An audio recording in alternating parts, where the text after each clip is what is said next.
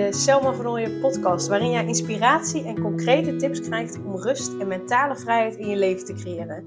Mijn naam is Selma van Ooyen en ik help ambitieuze moeders die zich opgejaagd voelen en verlangen naar overzicht en rust.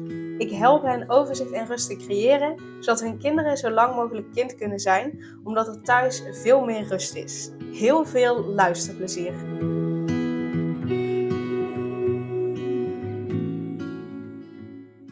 En deze maand juni vertel ik je de hele maand het verhaal van Anouk. Een ondernemende en ambitieuze moeder die zich opgejaagd voelde, continu aanstond en zich schuldig voelde naar haar kinderen toe. Omdat ze vaak het idee had dat ze iets of iemand iets tekort deed. En in deze reeks vertel ik je dus welke inzichten en tips Anouk hebben geholpen om overzicht en rust te voelen, zodat ze weer voluit geniet van het leven met haar gezin en haar bedrijf, zodat jij ook met die inzichten en die tips aan de slag kunt. Wil je meer weten over Anouk en waar ze tegenaan liep? Luister dan vanaf aflevering 60, want in aflevering 60 dan stel ik Anouk uitgebreider voor en de afleveringen daarna die gaan ook over Anouk, zodat je echt elke aflevering een onderdeel uh, uh, beluistert van waar Anouk tegenaan liep. Uh, zodat je echt stap voor stap daarin meegenomen wordt. En ook per onderdeel kunt kijken ehm, welke tips jij eruit pikt. Nou, naast dat Anouk er tegenaan liep dat ze zich continu moe voelde, in tweestrijd was, zich schuldig voelde, voelde en een lange to-do-lijst had, zowel privé als zakelijk, stond ze ook altijd voor een ander klaar. En dat was heel normaal voor Anouk en dat moest ze ook van zichzelf. Dus het was niet zo dat, ze, uh, dat anderen per se dat van haar verwachten, maar het was voor haar heel normaal. Dus ze zag dat niet per se zo, maar het was gewoon heel normaal en ze deed dat. En ze moest dat ook van zichzelf.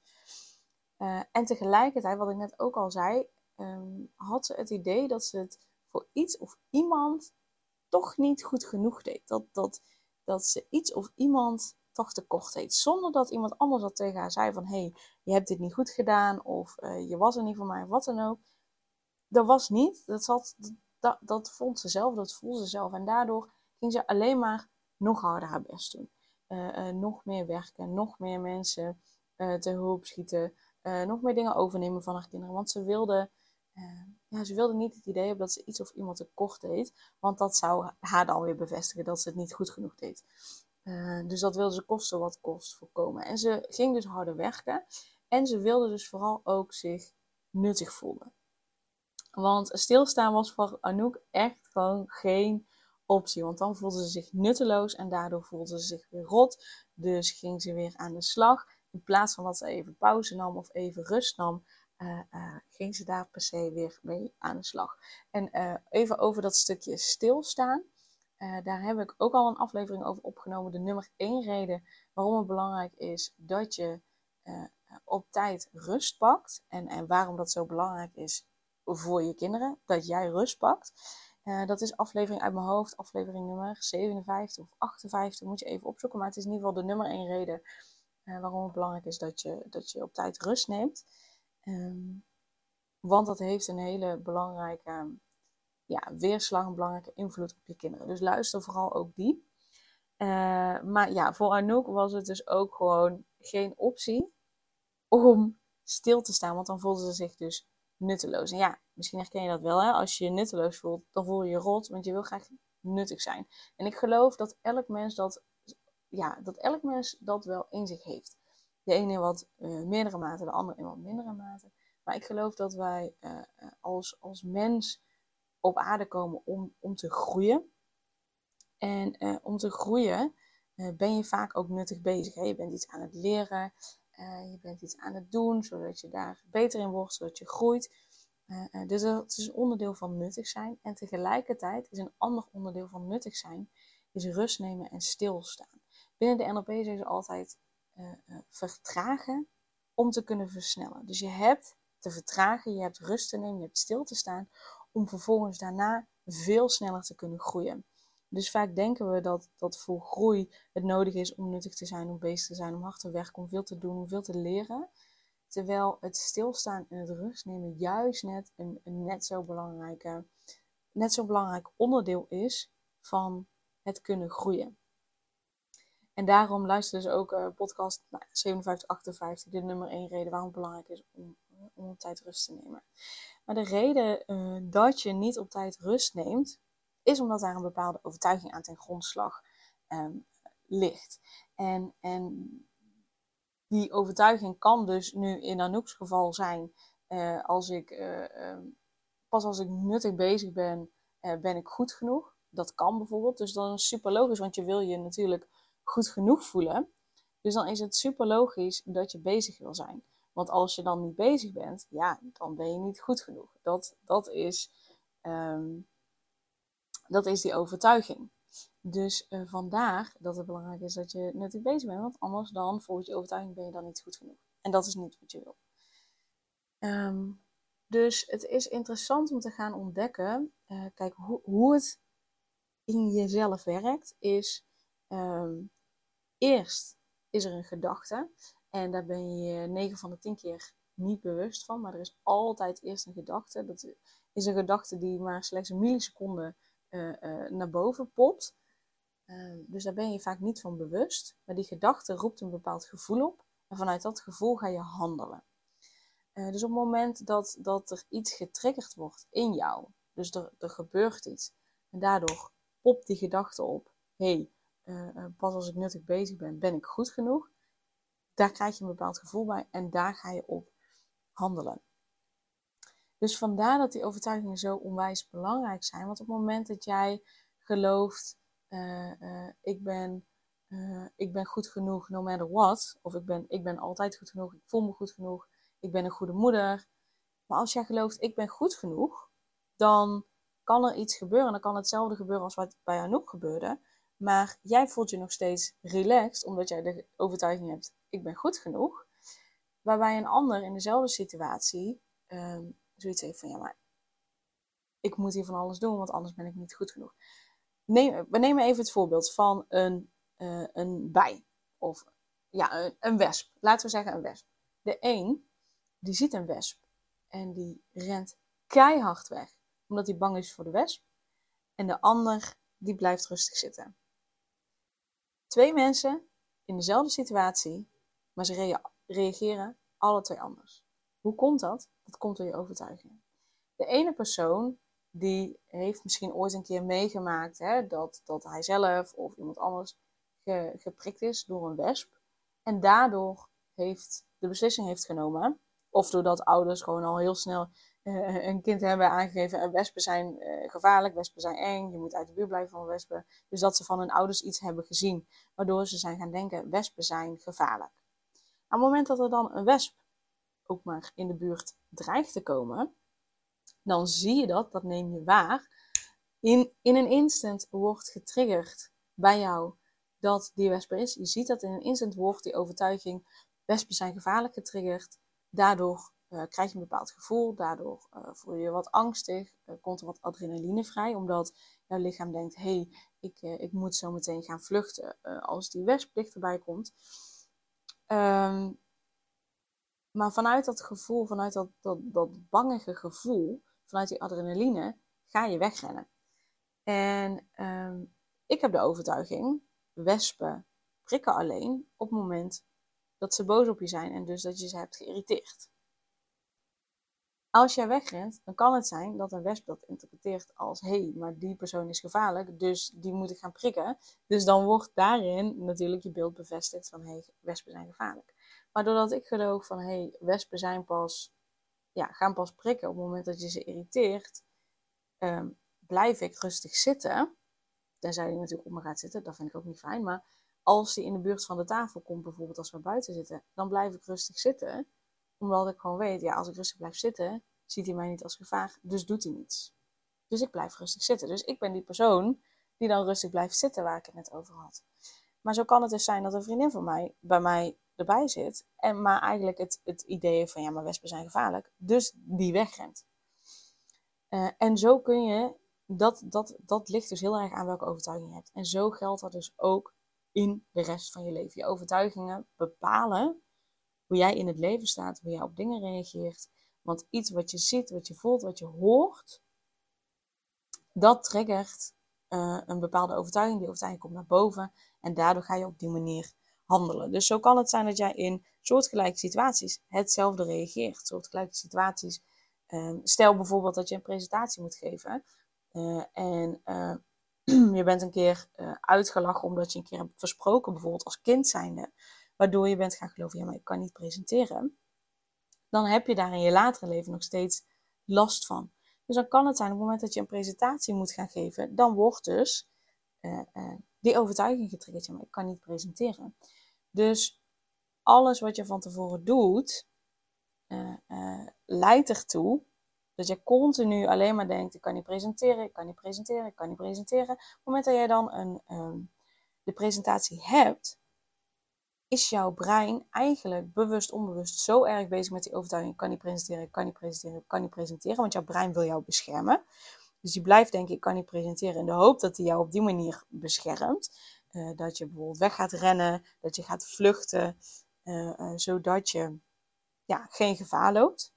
Dus als je dan die presentatie moet geven, dan is jouw brein veel te veel bezig met de kan niet presenteren en met vluchten. Of eventueel met vechten of met bevriezen.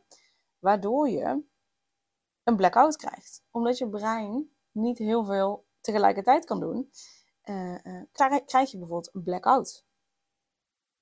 En dat komt door die overtuiging. En dan vervolgens krijg je een blackout en dan is dat voor jou een bevestiging. Ja, zie je wel, ik kan het niet. Terwijl het moment dat jij gelooft, ik kan wel presenteren of ik kan leren presenteren. Sorry hoor. Uh, dan, um, dan is je brein daarmee bezig. Die hoeft, die hoeft niet alert te zijn, want die registreert dat niet als gevaar. Die registreert, ik kan niet presenteren. Terwijl je moet gaan presenteren. De registreert die als presentatie is een gevaarlijke situatie. Uh, maar als jij denkt, nee, ik kan presenteren of ik kan leren presenteren, dan is de situatie van het presenteren is geen gevaarlijke situatie. Dus jouw brein kan in ruststand blijven. Uh, even heel zwart-wit uitgelegd, kan in ruststand blijven. Uh, die hoeft niet bezig te zijn met vechten, vluchten of uh, bevriezen. Dus in jouw brein is genoeg ruimte om te leren presenteren of gewoon een goede presentatie te geven. en dan is er dus helemaal niets aan de hand. En daarom zijn die overtuigingen zo onwijs belangrijk in ons dagelijks leven. En dus ook bij Anouk, bij Anouk van hé, hey, ik voel me nutteloos of als ik nutteloos, um, als ik niet nuttig bezig ben, ben ik niet goed genoeg. Um, en daardoor vond ze dat ze continu bezig moest zijn. En daarom gingen we aan de slag met die, uh, met die overtuiging. En ik geloof er heel erg in dat het heel belangrijk is om op onbewust niveau met die overtuiging aan de slag te gaan. Dus we hebben timeline therapy gedaan. Um, heel in het kort, we gingen naar de oorzaak uh, van die overtuiging. Daar deden we een aantal dingetjes mee, zodat dat niet meer zo eng was, niet meer zo groot was, dat de lading eraf werd gehaald, waardoor er ruimte ontstaat om in een nieuw, ontstond om in een nieuwe overtuiging te gaan geloven. Waardoor ze nu gewoon rustig met een theetje op de bank kan zitten en rust kan voelen terwijl ze dat doet. En niet dan ook nog, terwijl ze op de bank zit, uh, bezig is met, oh de vaatwasser moet nog uitgehaald worden, moet eigenlijk gestoft worden, gestofzuigd, de boodschappen moeten nog gedaan worden. Nee, dat ze gewoon echt even een kwartiertje kan genieten van een theetje op de bank, rust voelt, zodat ze daarna veel meer kan, zodat ze daarna veel beter en veel sneller waarschijnlijk die dingen kan doen, omdat ze eerst rust heeft genomen. Dus heeft rust heeft genomen. En daarin zie je weer het uh, vertragen om te kunnen versnellen. Uh, dus ik raad je vooral heel erg aan om ook op onbewust niveau met die overtuigingen aan de slag te gaan. Ik geloof heel erg affirmaties helpen zeker. Absoluut. Raad ik je ook zeker aan op het moment dat je voelt dat dat voor jou de manier is om ermee om te gaan. Maar met, met affirmaties overschrijf je eigenlijk de oude overtuigingen, maar die zijn niet weg. En met de timeline therapy zorgen we ervoor dat de oude overtuiging en de nieuwe overtuiging met elkaar gaan samenwerken, zodat de oude overtuiging daadwerkelijk niet meer in de weg zit. Uh, dus daarom raad ik je aan, hè, dat kan bij mij met timeline therapy, maar je kunt uh, hypnose doen, je kunt breathwork doen. Nou, er zijn uh, vast nog andere dingen die je kunt doen, maar ik raad je echt aan om op onbewust daarmee aan de slag te gaan. En uiteraard ben je van harte welkom bij mij. Um, in aflevering 72 ga ik ook nog wel met je kijken van oké, maar welke, hoe kan ik nou ontdekken welke overtuiging dat bij mij is, zodat ik daar iets uh, aan kan doen. Dus uh, we gaan er echt wel wat stappen in zetten en tegelijkertijd raad ik je echt aan om uh, daar met iemand aan de slag, mee aan de slag te gaan.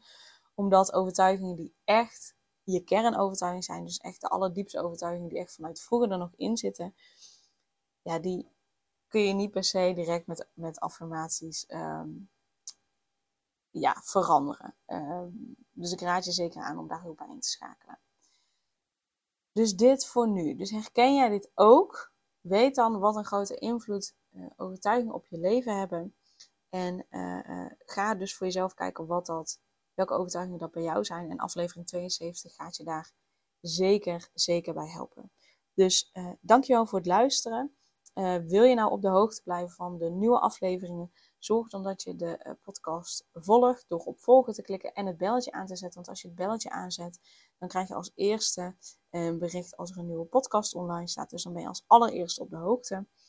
En je zou mij enorm helpen door of een aflevering te delen op social media en mij daarin te taggen en te delen welke inzichten uh, deze aflevering heeft opgeleverd. Of door een uh, review achter te laten. Want hoe meer reviews de podcast heeft, hoe beter de podcast vindbaar is. En dus hoe meer kinderen ik kan helpen om ervoor te zorgen dat ze zo lang mogelijk kind kunnen zijn. Doordat hun ouders een basis van rust creëren in zichzelf en dus ook thuis. Dus ook daar zou je me enorm mee helpen. En vooral help je me ook door echt met jezelf aan de slag te gaan, zodat er een rust is thuis. Zodat je kinderen in rust op kunnen groeien. Als er rust is thuis, dan kunnen zij zichzelf ontdekken wat ze nodig hebben, wat hun behoeften zijn, wat ze leuk vinden, wat ze niet leuk vinden, hoe ze met emoties om kunnen gaan. Daar is dan ruimte voor en rust voor. En die is er niet als je je als ouder uh, continu opgejaagd voelt. Dus uh, doe het zeker ook voor je kinderen. Of nou ja, eigenlijk vooral voor je kinderen. Dankjewel voor het luisteren en... Uh, nou ja, tot morgen weer. Super leuk dat je weer luisterde naar een aflevering van de Selma Vernooien podcast. Dank je wel daarvoor. En ik deel in deze outro nog een aantal belangrijke punten. Als eerste is het mijn missie om ervoor te zorgen dat alle kinderen van Nederland zo lang mogelijk kind kunnen zijn. En dat begint bij hoe jij je voelt als ambitieuze moeder. Daarom maak ik deze podcast voor jou en voor je kind en voor je kinderen. Gun je je kinderen dus ook een vrije en gelukkige jeugd, zodat ze zo lang mogelijk speels, vrij, onbevangen en onbezonnen kind kunnen zijn Vraag dan nu mijn gratis e-book aan 8 tips voor ambitieuze moeders om meer rust in je leven te creëren via mijn website www.selmavernooien.nl slash gratis-e-book. Ten tweede, wil je alle podcastafleveringen overzichtelijk onder elkaar en wil je als eerste op de hoogte gebracht worden als er een nieuwe podcastaflevering online staat? Abonneer je dan op de podcast door op de knop volgen, subscribe of abonneer te klikken. Ten derde, ondersteun je mijn missie en wil je ook helpen om alle kinderen van Nederland zo lang mogelijk kind te laten zijn? Laat dan een review achter in de podcast-app via waar je deze afleveringen luistert. Hoe meer reviews, hoe beter de podcast vindbaar is en dus hoe meer ambitieuze moeders en hun kinderen ik kan helpen. En tot slot, ken je andere ambitieuze moeders voor wie deze podcast interessant zou zijn? Deel dan gerust een aflevering met hen of deel een screenshot van deze aflevering op je social media en tag mij daarin. Wil je mij een vraag stellen of contact met mij opnemen? Dan kan dat via info.selmavernooien.nl of via het Instagram account Selma Nogmaals, super dankjewel voor het luisteren en tot de volgende keer.